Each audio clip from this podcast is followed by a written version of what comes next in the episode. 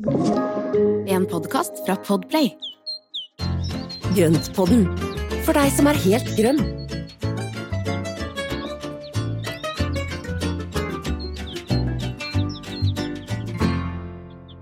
Hei, hei, og velkommen til dagens episode av Grøntpodden med Marianne og meg.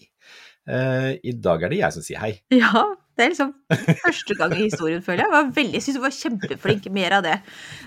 Jeg kjenner at jeg rødmer. Ja, for det er liksom noe Men- Det dere ikke vet, er altså når man skal liksom si så, altså begynne på noe det, det er litt sånn forventning til den første hilsen. Det er liksom slå an tonen. Liksom ikke være sånn supertreig, men heller ikke overenergisk. Jeg syns du klarte det veldig bra, Espen. Helt supert. Fullstendig overtenning, vet du. Bare. Nå er du utslitt, du da. Ja, nei, nei, nå er jeg ferdig. Velkommen til dagens episode, som da skal handle om tulipaner. Ja. Eh, og vi har altså gjort et lite dypdykk i, uh, i både historie, vi har litt stell og pleie, og vi har egentlig uh, en god del om tulipaner. Men før vi snakker om dagens tema, Espen, så tenkte jeg siden vi har fått såpass mange nye lyttere, skulle bare ta en sånn rask introduksjon, heter det vel, av oss selv. ja, Kan- ja. Sant? det må vi gjøre. Ja, jeg heter Marianne, jeg bor på en gård i Sør-Sverige. Jeg har gått fra lettstelt byhage til stor ikke-lettstelt hage, og har fått masse hjelp av Espen, som jo er planteekspert. Eh, og da, utgangspunktet for at vi lagde denne podden, det her vet jo alle gamle lyttere da, men dette er til glede for dere nye, så var det det som var utgangspunktet for at vi starta Grønnpodden, var at eh, vi hadde så mange samtaler, og jeg fikk så mye hjelp av Espen, og så fant vi ut at det her var jo egentlig litt ok å dele med andre som også hadde samme spørsmål. Så nå har det gått et år. Og det er jo ja, og det har jo gått over all forventning, og det har vært kjempegøy. Og vi har jo da fått uh, skrudd sammen en god del episoder som da ligger i et arkiv som går an å, å lytte tilbake på, for at det er jo mye av dette som er evigvarende innhold. Mm. Uh, og grunntanken vår er at det skal være tips og råd som gjør det enklere å dyrke for alle som er glad i å dyrke og har lyst til å dyrke. Ja. Og så litt mer om deg, da. Du er jo da du er utdanna i Ja. i Danmark, du har, eh, er blomsterdekoratør og har hatt mm. egen blomsterbutikk. Du, har, eh, du skriver jo og har egen nettside nå, Skarp i hagen. Yeah. Og skriver blant annet Bonytt, og så Ja. skriver vi for Hageliv og Uterom. Yes. Så vi har jo da veldig mye spennende oppdrag ved siden av. mm, og så Og du jeg har drevet med blomster siden jeg var seks år gammel. Ja. Da fikk jeg mitt første blomsterbed. Det syns jeg er et litt viktig poeng. Og så har du jo, har du jo eh, fisker i hagen. Du har dam. Ja, mm. ja, det har jeg også. Karpedam med da eldstemann som er 21, nei, var 21 år i fjor sommer, som, så han blir 22 år i, i år.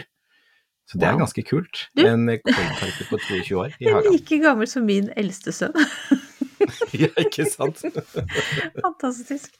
Ja, det er veldig, veldig spredt. Han er født i Fredrikstad. Ja. Mm. Ja, min August er født i Oslo, hvis- så nå er vi litt viddene. sant. Men, men nå vet dere i hvert fall litt mer om oss, og vi skal komme tilbake til mer hagedam i, Mhm. litt senere i sesongen. Yes. Det, det lover vi. Mm. Absolutt. Men du, da ruller vi i gang med eh, et dypdykk inn i tulipanens herlige verden. Yes, Espen. Historien om tulipanen. Nå har jeg liksom tatt på meg Det er ikke noe liten historie, dette her, altså. Nei, og det er, jeg har så lyst til å lese masse mer, så jeg har liksom prøvd da å ikke ta den helt eh, Altså la den gå ut i det uendelige. Skal vi se, da. Jo, altså den begynte jo Tulipanen kom jo opprinnelig fra fjellstrøk eh, i Sentral-Asia, altså sånn alle disse stan-landene, tenker jeg. Kasakhstan, Turkmenistan Hva Bare hva man sier det? Jeg kjente at jeg Usbekistan, alle disse stan-stedene. Mm. Og så jeg tror kinesere og Kina og Mongolia, der tror jeg tulipanløken og tulipanblomsten altså ble kjent før den kom hva blir det, vestover. Men den kom i hvert fall da til Tyrkia på 1000-tallet. For da Mm. ble disse stanlandene, dette området, ble da en del av det osmanske riket. Og tulipanen ble da sultanens og liksom fiffens eh, favorittblomst. Et symbol på velstand. Mm. Eh, og eh, så kom hun jo da videre til Europa på 1500, utover 1500-tallet. Altså til Norge skal Ja. ha kommet i 1597, ifølge Store norske mm. leksikon, og ble veldig populær. Men det var jo i Nederland som det her tok helt av. Og dit skal den da ha kommet Altså det er litt sånn forskjellige eh, årstall her, men nå følger jeg Amsterdams tulipanmuseum. Og de sier at den kom dit i 1593. Det her var jo da under Altså, Nederland var ganske fersk som republikk, og det var deres gullalder. Altså, det var liksom rikdom, det var forhandel, det var kunst, alt liksom gikk på skinner. Um, og da kom tulipanen som løk fra Istanbul, eh, takket være den flamske ambassadøren i Istanbul, og ble da gitt til biologen som heter Charles de Lecluse, som da holdt Oi. til eh, litt, Han i hvert fall kom seg da på en eller annen måte til Nederland. Jeg er ikke helt sikker, men han var kanskje flamsk, ja. Så han for det, her var litt, det er litt mer omfattende der, jeg hopper elegant over alle detaljene der, men han ble på en måte da liksom tulipanens ambassadør i Nederland, da kan du si. Han dyrket, han hva heter det, videreforedlet, lagde vel nye arter og sånne ting, og så ga han bort løkene sine. Han ville ikke selge dem og sånn. Men det var han jo ganske alene om, for ellers så var det jo var jo, det her ble jo, gikk jo helt av skaftet. Ikke sant? Det her har jo du også skrevet om på Skarp i hagen. Ikke sant? Mm. Men, men de trodde jo også det var mat. Altså, det var jo en del der som trodde at det var spiseløk. ja, de sier jo det at noen av de første løkene ble jo rett og slett altså, forkasta. Det smakte for jævlig. Unnskyld. Smakte ikke noe godt. Eh, og, men så fant de jo da heldigvis ut at nei, disse skulle man bruke som blomster. Eh, Ja. Så det var bla, bra. Og, så, og han, eh, han biologen jeg nevnte, han, hans løk ble jo til og med stjålet. For folk var jo helt spinnvill gærne etter tulipaner. Um, Mm. Og det her var jo da utover 1600-tallet. Uh, da ble det jo tulipanene en handelsvare. Uh, Mm. Og det Og- Ja. Og de brukte jo den å betale for seg. Altså, én tulipanløk kunne koste jo flere årslønner. ja, 50 ganger Altså for én løk. Én løk, én enkelt løk, kunne koste 50 ganger årslønnen til en håndverker. Eller like mye som et staselig byhus med hage og kanalutsikt og, og sånne ting. Helt galskap. Tenk på, tenk på det når vi da driver og kjøper løker i bunter og poser på høsten her nå, Ja. og det, det koster jo en slikk og ingenting. tenkte på det. At det, liksom, det har virkelig gått fra topp til eh, Ikke bunn, da. Det er blitt mer tilgjengelig, kan vi si. Det er helt Ja, sikkert. og i 1637 så toppet denne tulipanmanien, som det er kjent som, eh, toppet det seg, og da sprakk bobla. Og Mm. som du har skrevet, jeg siterer fra Skarp i hagen, dette var starten på det første store, det første store krakket, finanskrakket, og regnes som den første spek spekulative finansboblen. Og, Mm. og etterpå så kunne man kjøpe ganske for veldig mye mindre penger. Du fikk kasta de etter deg. Men det er jo ganske, jeg syns jo det er ganske fantastisk at en, en, en løk, Mm. altså en planteløk, kan ha en så stor verdi, og at man da oppkonstruerer dette her til å bli noe så stort. Ja. uh, at det kan velte en hel økonomi. Altså, jeg syns det Det er helt, jo helt, helt galskap. Helt, Ja. Ja. Men man bruker jo faktisk tulipan, eh, tulipanmani som, en, eh, som et begrep også i dag. Mm, For at det er jo noe som har vært med da med dette med finanskriser og, og finansbobler, mm. eh, som man da kan spore tilbake til den gangen. At det er da liksom første i nyere, eller i moderne tid, så er det den første, første finanskrisen. Mm. Så Spennende. kjempeinteressant. Mm. Og så har jeg litt fun facts, hvis vi har tid til det, Espen. Nå må du se på tiden, Ja, da. ja, ja. Eh, for vi skal jo snakke om litt annet også, så det er ikke det. Men ja, hvis vi har tid, så tar vi med det. Og det er det at det Og så var det liksom to forskjellige eh, forklaringer på hvorfor det heter eh, tulipan. Den mest mm. sannsynlige, som er mer sånn generell, er det at eh, den ble oppkalt etter Altså eh, av eh, ottomanene selv, da. eh, Av turban. Fordi at den ligner i formen. Den samme runde formen. Eh, Mm. Men så er litt morsommere er jo at det da skulle vært en europeer som da hadde besøkt en sånn åker med tulipaner, og så hadde han pekt utover åkeren og spurt hva de het, og så trodde disse bøndene med turbaner at han pekte på hodene deres, og da sa det tyrkiske ordet for, for turban. Og, da ble det, og så skrev denne mm, europeeren ned det, og så ble det litt feil. Fordi tyrkerne selv kaller visstnok tulipan for lalé, som Ja. er navnet som kom med blomsten fra Persia. Og det betyr da Guds blomst. Det er kjempefint, da. Mm. Ja, det er jo Ja. det. Det er også utrolig morsomt med en blomst som har så lang historie Mm. og så mye Nå er det en stund siden vi har hatt med en del av denne historikken på episodene våre, men dette her er jo kjempegøy. Mm. Det er jo, og jeg tror det er mange som ikke vet om det, så det, jeg håper at dere liker den uh, historieleksjonen her. Ja. ja, jeg håper det. Hvis ikke så får det bare sånn spole raskt over. Men én ting til, jeg skal, det er absolutt siste jeg skal si før vi er Ja, nå er det, historietimen er snart over. Men ifølge da Tulipanmuseet i Amsterdam, så er den mest kjente tulipanen gjennom historien er den røde og hvitstripede Semper Augustus. Det var Mm. den som ble solgt for mer enn et hus. Tenk på det. Mm. Tenk på det. Jøye meg. Mm. Ja, Ja. Nei, det, er, det, er ganske, det er ganske fascinerende. Men det som også er veldig spennende, det er jo det at det, altså, tulipanene det er jo det vi forbinder med Nederland. Mm. Og eh, i dag også så er det jo svære åkre med tulipanløk og dyrking. Og det, jeg har jo sett de kjører over med skurtreskere bare for å kappe huet eller blomstene av de Mm. eh, innimellom. Og det er jo rett og slett for at de skal bygge opp løken enda større, slik at de ikke skal bruke krefter på blomstring. Og at de da kutter av blomstene, sånn at de da de skal bare jobbe med å fylle løken med all næring og krefter som man da kan, eh, kan få samla ned i løken, før den da dras opp og selges i, eh, i poser som vi kjøper. Ja. Ja, det, vi, det, akkurat det her har du nevnt en gang før, og jeg kjenner at det gjør like vondt denne gangen her når du forteller om det. Men jeg forstår jo poenget, da. Men er det ikke sånn at de tulipanene vi kjøper som bukettblomster i Norge i dag, de er sannsynligvis dyrka her til lands, er det ikke det? Er det ikke det big business i Norge Jo, men det er de. Mhm. Jo, det er kjempe. Og det er jo det de aller fleste Altså, det er jo to ting av dette her. De, de aller fleste tulipanene som vi kjøper i Norge, de er dyrka i Norge av norske produsenter. Og det syns jeg er veldig kult, for det er jo da en, eh, en stor industri rundt det å dyrke tulipaner i Norge, hvor, hvor man da får kortreiste tulipaner. Eh, og de siste tallene jeg har lest, så er det altså 400 000 tulipaner som høstes hver dag i sesongen. Og sesongen Altså, den går fra Seriøst mange. Ja, det, Eh, Det er vel fra november til, november til april. ja. Eh, Så i løpet av den perioden så produseres det 80 millioner tulipaner I Norge. i Norge. Altså, vi tuller ikke. Dette her er, dette er seriøst mye. Eh, og det som er eh, da, det er at da setter man da løk, og så dyrker man da fram i drivhus under da gode forhold. Og så klipper man ned, eller skjærer ned de tulipanene, og så pakker de bunt og selger de ut til butikkene. Mm.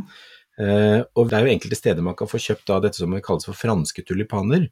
Ofte så er de med løken eh, stående Mhm. på, og så kan man da kjøpe de lange, høye, de er litt kraftigere i stilken, og de er lengre, de er større. Og så har de da en, en Det virker som de har litt sånn tykkere cellevegger, for at de er hardere enn de vanlige tulipanene. Lekkert. Og de står ofte litt lenger, og de slynger seg opp og ut av vasene, og det, altså, det er så flott. Men hvordan er setter du dem ned i hvordan, Hva gjør du med dem når de kommer hjem, da? Nei, det kan vi snakke om etterpå, av- kanskje? du- Eller? Ja, det kan vi gjøre. Du kutter av løken. Du gjør det, ja. Jeg synes som, ja, mm, ok, takk. Ja. Ja. Men vi skal komme tilbake til stell og pleie av buketten etterpå. Det skal vi gjøre.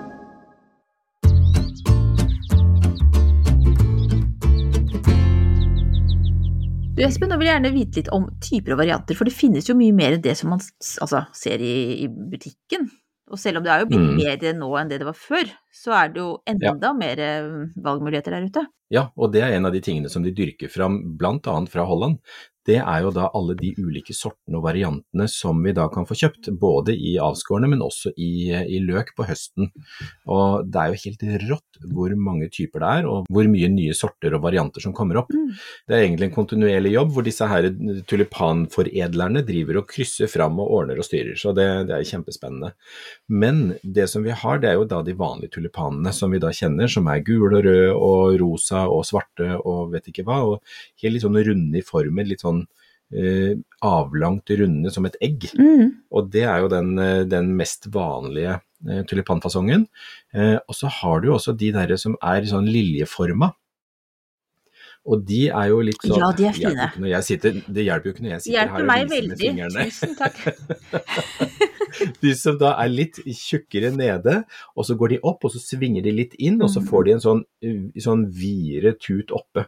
Og det er jo den som ofte kalles også da tulipanfasongen når vi da har vinglass eller da drammeglass eller sånne Mhm. ting. Så har du jo glass med tulipanfasong. Akkurat det jeg tenkte på. Og da har den jo Ja. litt sånn rundere nede, og så har du den svingen inn, og så har du litt videre oppe. Og, og det er jo da Enkelte av tulipanene har den fine, elegante, litt spissere formen som da går ut i toppen. Eh, og så har vi jo da papegøyetulipanene. De må vi jo ikke glemme, for de det er jo kjempefavoritt. Rufsete, frynsete blader som er litt vridd og, og, og ofte litt sånne gøyale Litt mer sånn dramatisk, liksom. Jeg synes de, de, Da Mhm. blir liksom For tulipanen sånn som jeg ser den for meg sånn generell tulipan, er jo veldig ikke, liksom litt sånn sporty. Altså, den er litt sånn Ja. enkel og grei, og her er jeg, og jeg har fine farger og litt crunchy og herlig. Mens den papegøye, Ja. da blir det litt mer sånn oh, jeg er litt mystisk, og jeg er litt vanskelig. Og da når du får den derre black parrot, som er den svarte papegøyetulipanen, Den så skinner i Ja, den er kjempefin. Så det er jo da noen av de tulipanene som da får den derre dramatiske formen, og, eller, og fasongen og eh, fargen. Mm. Eh, og disse her svarte, rene, altså runde tulipanene også er kjempelekre. Så da har man jo da papegøyetulipaner, vi har de vanlige tulipanene, vi har de med tulipanfasong, og så har vi jo alle disse fylte. Ja. Som er tette, nesten som pioner, og da blir de helt fylte, sånn som denne som heter Ice Crystal, som er, den er helt kulerund i starten, og så åpner den seg opp litt flatere i Mm. fasongen, med sånn frynsete Ja, på toppen. Ja, det er så fint med de frynsene. Eh, Ja. det, er, det er så mye pent. Så, og så er det jo en av de som jeg ikke helt Jeg har ikke helt eh, tent på den, og jeg har ikke prøvd den. Det er den som heter eh, Ice Cream. Men den er veldig gøy. Og Så- den, er det den som ser ut som en kule, liksom? Den ser ut som en iskrem. så Først så har den da et ganske definert eh, rosa-rødt eh, felt nede, og så har du da bladene som tyter opp i midten som en sånn hvit kule på toppen. Ja. Kjempegøy. Ja, den er, Så- den er gøy. Den går under kategorien gøy. Ja. Ja. så, så den Jeg har ikke prøvd den sjøl, men jeg, jeg, jeg må jo si at jeg er, jeg er litt frista til å prøve den Fikk litt lyst til å prøve, for den er ganske sær. Ja, veldig. Så både i farve og litt sånn der fasongmessig så er den helt annerledes. Morsom. Um, men så har vi da en helt annen gruppe med tulipaner, som er villtulipanene. Ja. Og det er jo en som jeg er kjempeglad i. Og de er vakre, de. Og, da har vi da turkistanika, vi har, eh, vi har um, ja, vi fleng, jeg ingen. Sylvestris. Ja, sylvestrisen. Som jeg tror jeg har i Eh, hagen. Ja, ikke sant. Og den sprer seg, og den Ja. sprer seg rundt og gjør ting på egen hånd. Mm. Og så har vi da tarda, som er den enda litt mindre, som er hvit og gul. Eh, kjempefin. Mm. Så, og disse villtulipanene de sprer seg jo da med, med løker og eh, utløpere på løkene, og så er det deling av løkene, og så sprer den seg med frø.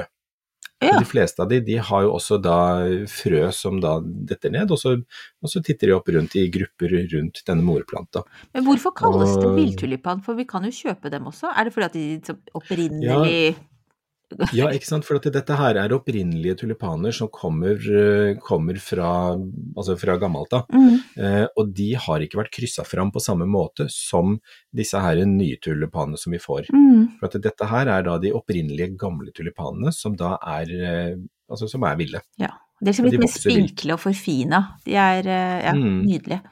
Og de er jo ikke så dominerende i et bed, og de kan gjerne spre seg i plen og utover, og det er jo en, en veldig fint å ha dette her også i skogområder. Mm. For tulipaner, de, altså de som da har et lite skogområde i hagen, eller en sånn woodland-hage, så er det kjempefint, fordi eh, disse vanlige tulipanene de liker mer sol, og liker altså mer solrik plassering, mens en del av villtulipanene kan godt klare seg i halvskygge. Ja.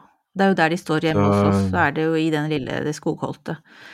Ja, ikke sant. Mhm. Og da veldrenert jord gjelder jo for alle tulipaner. Veldrenert jord, sånn at det ikke blir liggende is og snø og mye fukt rundt løkene når det da eh, både er vinter, men også på sommeren, at ikke det blir stående i denne soggy jorda. Mm. Det liker de ikke, Nei. for da råtner jo løken. Ja.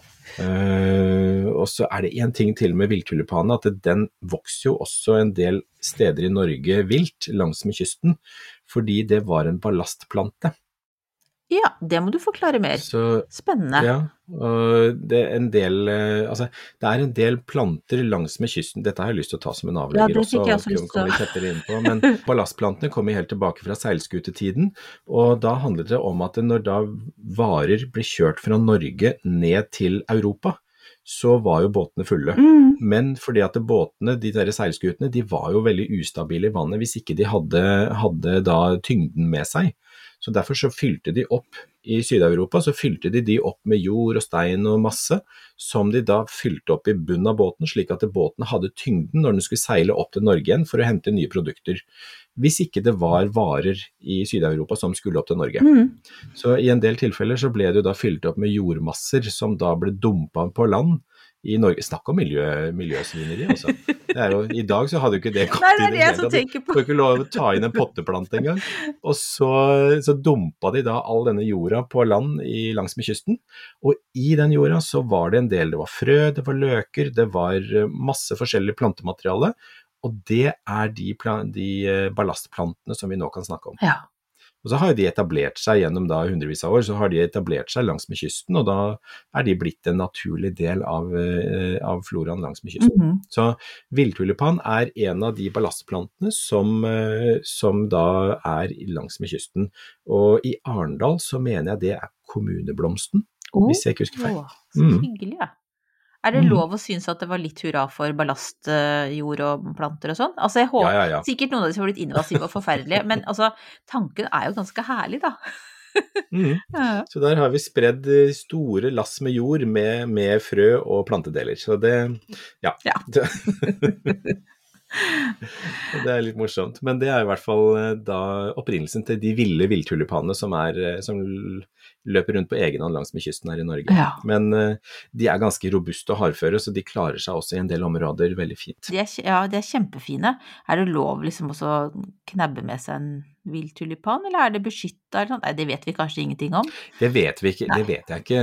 Og man skal jo helst ikke ha, altså grave opp ting i naturen og, og flytte for mye på det, men, men eh, jeg, jeg vet ikke. Nei. Eh, Det må man nesten sjekke opp. Undersøk det, folkens, hvis dere har en villtulipanstamme. Jeg vet ikke hva det heter. Men det er uansett lov å ta frø. Eh, hvis man Ja. da finner noen som har satt frø, så ta med frøene hjem og så drysse rundt i hagen hvis man vil ha det inn der. Ja, men det var en fin løsning. Supert. Og blant villtulipaner så er det også en til, jeg må nevne en Ja. til, og det er en som heter clusiana. Å gud, nå må jeg Kjempefin. Eh, Tulipa clusiana, nydelig. Og den er, den er også sånn anbefaler å se på den, altså. Den kan plantes til eh, høsten, for da får man kjøpt den som en del av, eh, av disse høstløkene. Den kalles italiensk tulipan. Oh, Mm. oi! Veldig elegant, veldig pen, nydelig i rødt og hvitt nesten.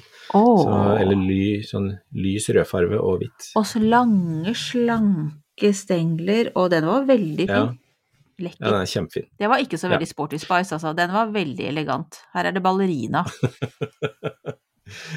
Og ballerina er også en veldig fin tulipan. Det er en tulipan med, med denne tulipanfasongen, som da er i en intens oransjefarve. Også kjempefin. Ja. Så tulipa ballerina, Ballerina. kjempefin. Neida. Nei, det er så mye fine tulipaner, så er, eh, man kan jo bare gå helt amok når høsten kommer med disse frø, altså løkekatalogene, ikke Å oh, ja, den var så fin. Unnskyld, nå ble jeg veldig stille fordi at jeg, jeg søkte. Den var, den var lekker, fy fader. Oi. Nydelig. Så det er veldig mye fine, men eh, jeg ble også veldig betatt av en papegøyetulipan i fjor som jeg planta høsten før, som heter Green Wave, og den skal vi legge ut bilde av, for den har jeg et veldig fint bilde av eh, etter fjorårets eh, sesong. Og den er, den er virkelig flott. Det som også er med noen av de tulipanene, er at de har lang holdbarhet. Og det er nok en av de som har hatt lengst holdbarhet som jeg kjenner til, og den sto altså i fire uker i blomsterbedet. Og da var det ganske varmt, for da var vi litt ute i mai hvor det begynte å komme ordentlig god varme. Ja, den var nydelig. Den er da sånn, Ja, den er den er sånn, den er sånn litt lysegrønn og deilig lys Altså ro, litt varierende hvor rosa rosa den er. sjatteringer, Ja, ja, så det er rosa og limegrønne sjatteringer i den. eh, Og så er det papegøye som da har disse vridde, litt sånn derre, ja. Den var veldig vakker. Jeg forstår at Mm. eh, du har tatt masse bilder av den. Det Mm. ville jeg. Men blir du noen gang frista til Altså, eh, må, bør man egentlig sette så mange løk at man med god samvittighet kan lage seg noen herlige buketter, og fortsatt at det Ja. ser rikelig ut ute? Er ikke det konklusjonen litt nå? Ja. Uten at vi egentlig har snakka så mye om det, men jeg satt og tenkte på det. For jeg har alltid lyst til å ta det med inn, og så samtidig så har jeg lyst til at de skal stå i hagen. Ja, helt enig. Og ja, det er bare et stort rungende ja. Ja. For at det, altså, hvis man har mulighet til å plante mye, så plant mye. Og det er, eh, og det er jo da en del av disse eh, rundene sent på høsten, sånn som i år, så hadde vi en veldig, eller i fjor, så hadde vi en veldig fin mild høst. Mm. Og det betyr at vi kunne plante det ganske seint. Og det er jo da en god del som går ut på salg. Så, og da er det bare å fylle på. Kjør på. Mm. Uh, planta vel totalt sett rundt 1500 løk her i fjor, som Jeg husker du holdt på. Så, så de siste rundene så tror jeg så, begynte jeg å skulle grave og filleren så kom jeg ned der hvor jeg hadde, og da hadde jeg glemt at jeg hadde planta. Så jeg tror det er dytta ned i løk i alle bed og sprekker og åpninger her i denne hagen, så jeg er så spent på våren. Ja, det kommer til å bli praktfullt. Kjøre Så så jeg gleder herlig meg. ut. Mm. Men jo, men det å ta inn Plant gjerne sånn at det er mulig å ta inn. Og Mhm. hvis det er dårlig vær ute, selvfølgelig så må man bare ta det inn, så man får nyt, nyte, det, altså nyte blomstringa inne istedenfor. Godt poeng. Eh, og veldig ofte så syns jeg at de vi dyrker selv, har en litt bedre holdbarhet enn de vi kjøper i butikk. Eh, kanskje fordi at de har utvikla seg litt langsommere og, og vært litt grann mer eh, Altså vært utsatt for litt mer vær og vind Mhm. enn de som er dyrka i drivhus. Ja, litt røffere typer. Mm. Ja. Jeg tenkte på eh, det der med når Altså, det er jo noen som Nå er jeg da på at det er ferdigblomstra i hagen. Mm. Noen Mm. tar opp Monty Don tar jo opp alle løkene. Jeg gjør ikke Mm. det. Hvem har rett? Ikke heller. Men det er jo ikke noe fasit på det. Men jeg tenker, dette tror jeg vi har snakka om en gang før Ja, også, også men jeg tenker at det så naturlig som mulig, så det er ikke noe vits i Altså hvis ikke de står i veien. Og det er jo derfor veldig mange tar de opp, fordi at det, man skal jo la da bladverket og stilk og sånne ting stå på etterpå. Det er lurt å knipe av eh, fruktkapselen hvis ikke man skal da la den få frø seg. For at da slipper du å bruke krefter på å produsere frø. Mm. Så bare knip av der hvor blomsten satt når den er vissen, hvis ikke du ønsker å ha, ha frøsetting. Eh, og så skal da bladene og stilken få lov å stå så lenge som mulig for å samle næring til løken, sånn at den kan blomstre igjen neste år. Så jeg har jo et sted i hagen hvor jeg har noen papegøyetulipaner eh, altså noen sorte papegøyer og noen røde, veldig sånne elegante. Og de står med god drenering, solrik, eh, brukbart næringsrik jord. Eh, og de har stått der i ti år og fortsetter å komme igjen like mange, like fine og like kraftige og gode hvert år. Men jeg lar alltid bladverket stå igjen Ja. For at de skal få mm. hente tilbake bladverket. Og da er det andre ting som vokser opp rundt dem som dekker til det bladverket, så ikke det ser stygt ut. Mm. Og bladverket er jo bare litt- fint. Altså, jeg tenker det, det er jo en del av, av, eh, av sesongene og, og naturens gang. At, eh, ikke sant, at det her skjer, at det står igjen litt, og så kanskje de visner litt etter hvert. Og da kan man jo ta de bort, kan man ikke det? Hvis når de er visne, da er de Jo, jo, jo, ikke grønne Når lenger. det, når de visner, så klipper man de bort. Så da er de jo ikke Og bare pass på å ikke dra opp for tidlig, for at det, da kan du ødelegge løken. Men, eh, men når det er helt gult, så vil det jo da bare løsne litt. Eller så bare klipper man det av nederst. Eh, Da vil det ha gjort nytta si med å hente inn næring til løken. Mm. Og det gjelder jo alle løkblomster, som vi har snakka om flere ganger nå. Ja.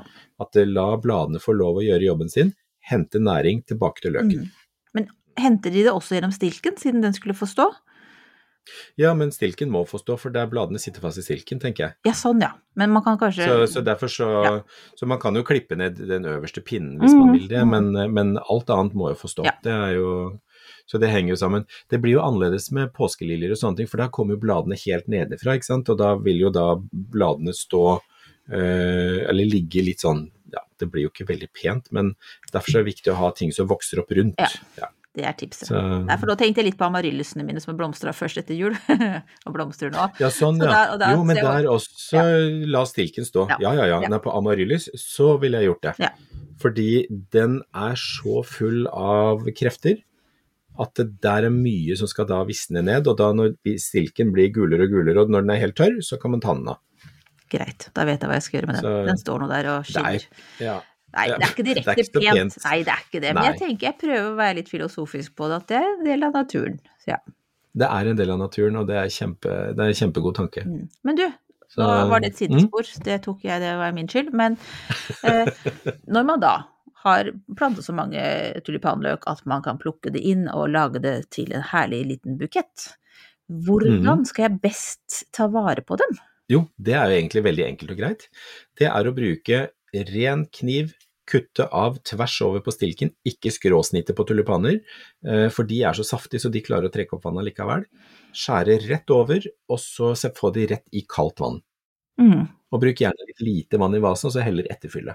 Hvorfor skal man ha lite vann? Jo, fordi jeg bruker begge deler, jeg ser ikke så veldig stor forskjell, men det sies at det skal ha lite vann i vasen for at ikke de skal strekke seg så mye. Ja. Men jeg tenker at de drikker jo det de skal uansett. Fordelen med lite vann er at du da slipper å få vann for langt opp på stilkene og unngår da litt råte. Ja. Godt poeng. Det er veldig fort at det, plantene kan begynne å råtne hvis de får høyt, altså hvis de har vann langt opp på stilken. Mm. Så, så det tror jeg er det tror jeg er eh, litt av grunnen der. Og så sett de gjerne kaldt om natta. Sett de, sett de i en ja, kan sette i kjøleskapet hvis du har plass. Mm. Eh, eller da i en kjølig bod, eller hvis det er frostfritt ute, så kan man sette de ut om natta. Ja. For da holder de mye, mye lenger. Så bytter man vann ofte, skal man snitte de seinere, er det noen sånne ting? Man kan bytte vann på de hver tredje dag, er lurt, og så kan man da snitte de opp på nytt igjen. Når du da ser at de strekker seg og får helt feil fasong, så kan du bare snitte de på nytt, og da kutter du av lett, rett over stilken igjen, og så da bare litt sånn at de passer til vasen. Mm. Det er litt avhengig av hvor mye tulipaner du har også. for Har du en svær bunt, så er det fint med en stor, vid vase, sånn at du da virkelig kan fylle den at den er litt raus. Men eh, sånn som tulipanene vi har ute og dyrker selv, de blir ofte litt høyere og slankere enn de vi kjøper. Og derfor så kan de fint stå liksom to-tre i en litt smalere vase også. Mm. Ja. Så Det er morsomt. kanskje litt forskjellige høyder, Ja. det er litt sånn gøy. Fint hvordan man kan få helt forskjellige uttrykk med altså hvordan man presenterer tulipanene, da. Og også, Mm. også det at det er så stort spenn i hvordan de ser ut, fra de der litt sånn friske som vi snakket opp, til det mer dramatiske og elegante. Mm. Jeg syns også det er så fint eh, Jeg syns tulipaner ofte eldes veldig elegant. Jeg syns jo noen ganger at det det noe av det vakreste er sånn når de henger der sånn og er litt sånn, ja, nesten på tippen. Og rett før, de, Mm. rett før de mister bladene, eller rett før bladene detter av, Mm. så kan de nesten være det fineste. Ja. Og da henger de litt ut og gjør litt som de selv vil, og de Mm. henger litt på kryss og tvers og, og sånn. Og, og det er, da er de fine, altså. ja, vi forstår vel egentlig hvorfor nederlenderne ble helt gærne, gjør vi ikke det? Jo, jo, jo. Men jeg tror ikke jeg hadde bytta bort huset mitt for en tulipanløk. Det tror jeg ikke.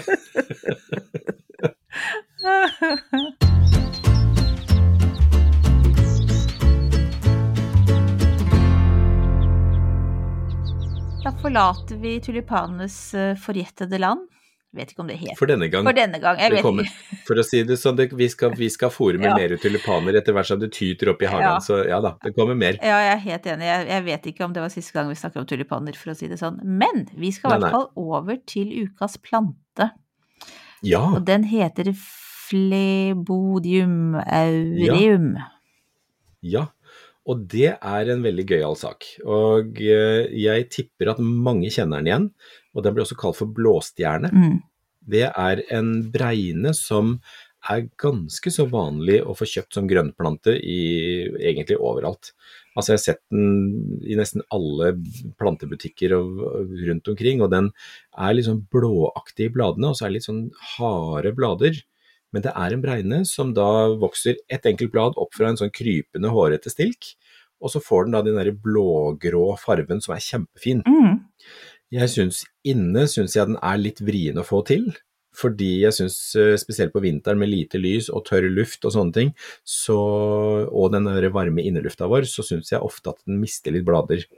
Eh, Men jeg har prøvd den ute i vinterhagen, og da står den utendørs på sommeren og i skygge, og den blir altså så fin. Mm.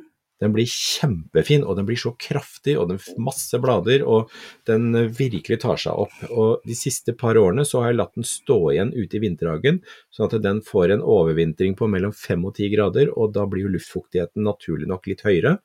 Eh, og da mister den nesten ikke et eneste blad. Koser seg da, tenker jeg. Så, så den, eh, den liker en litt kjøligere overvintring, og da kan den også få lov å bli relativt tørr før du vanner den. Ja. Så plebodium aureum, eller da blåstjerne som den heter. Så det er en grønnplante som, eh, som er veldig vanlig å få tak i, og kan absolutt anbefales.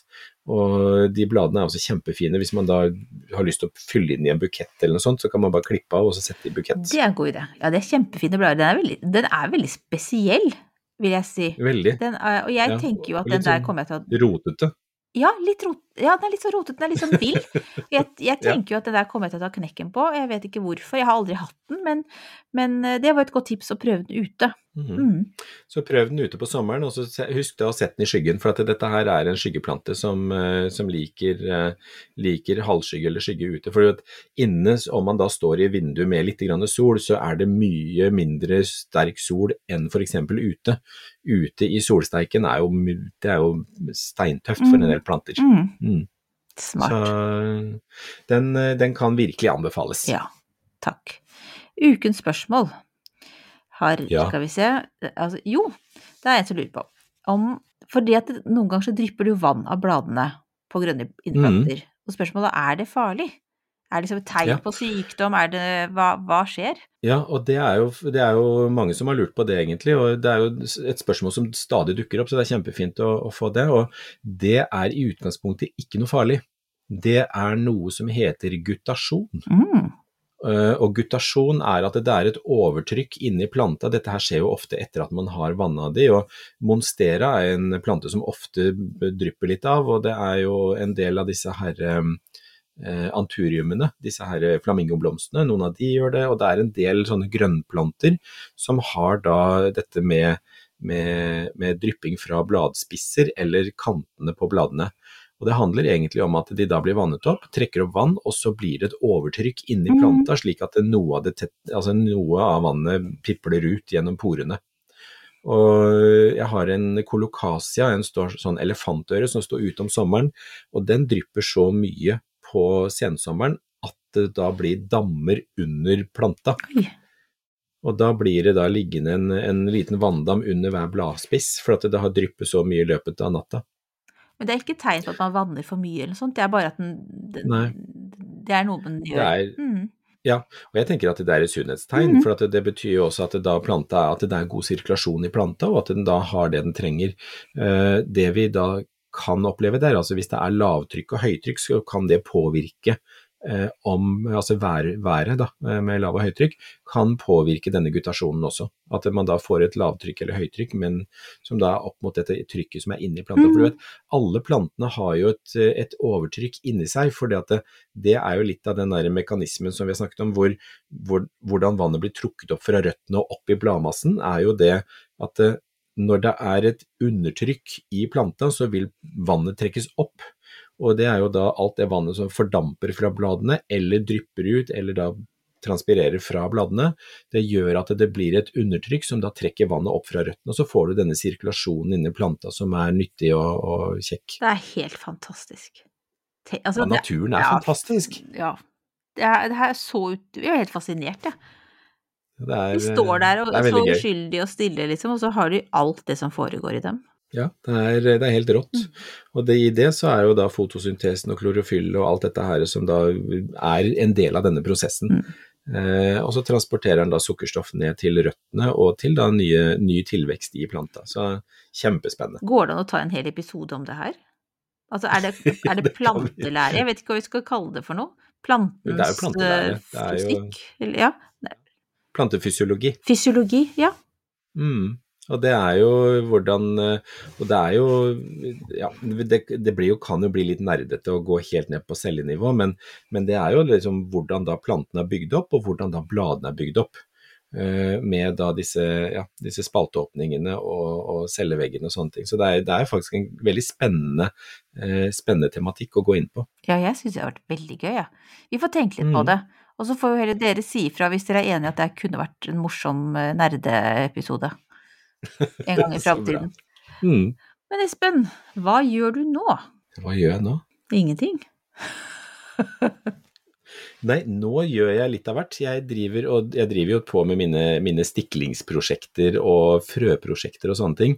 Eh, men nå så har endelig blodbegeret mitt begynt å spire.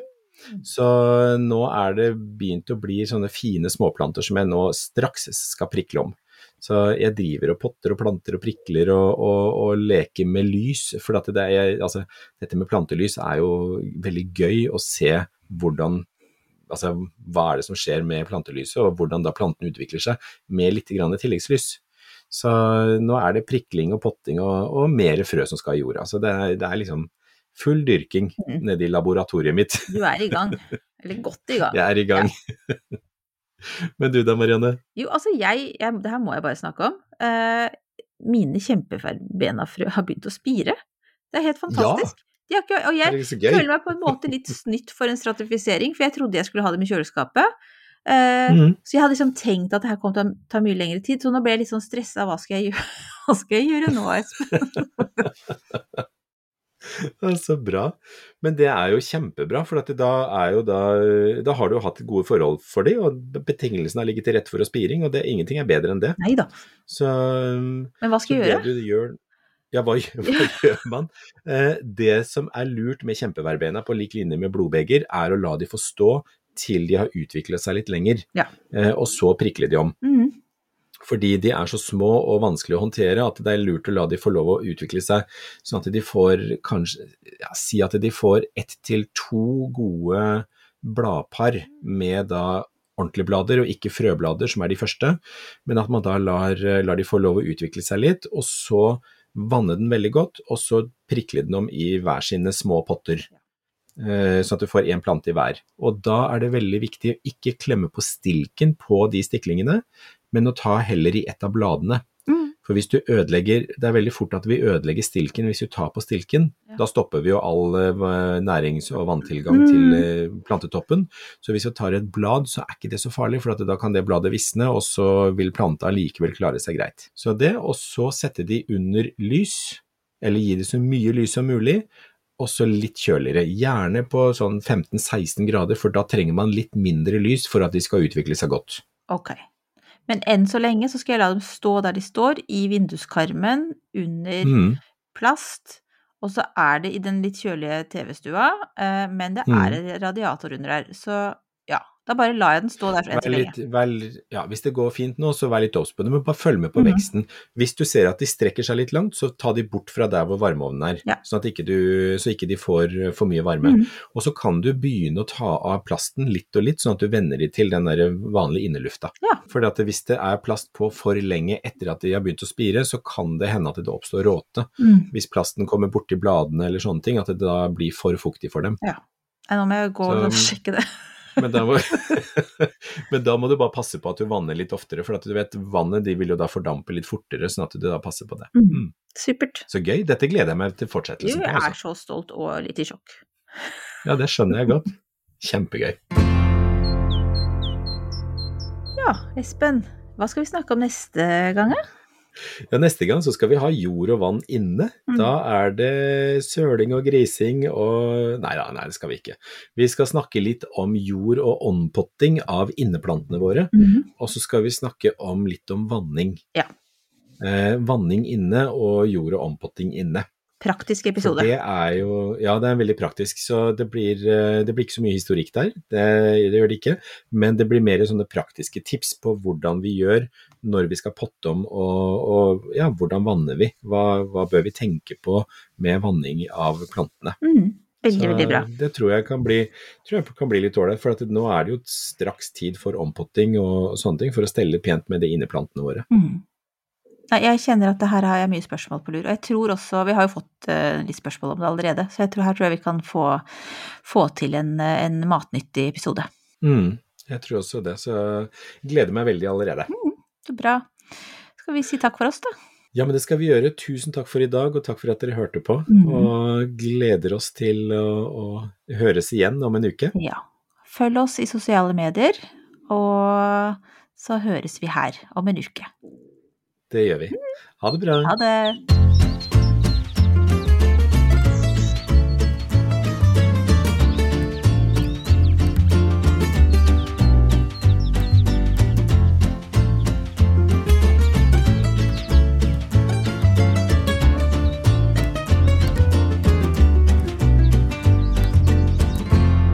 Du har hørt en podkast fra Podplay. En enklere måte å høre podkast på. Last ned appen Podplay, eller se podplay.no.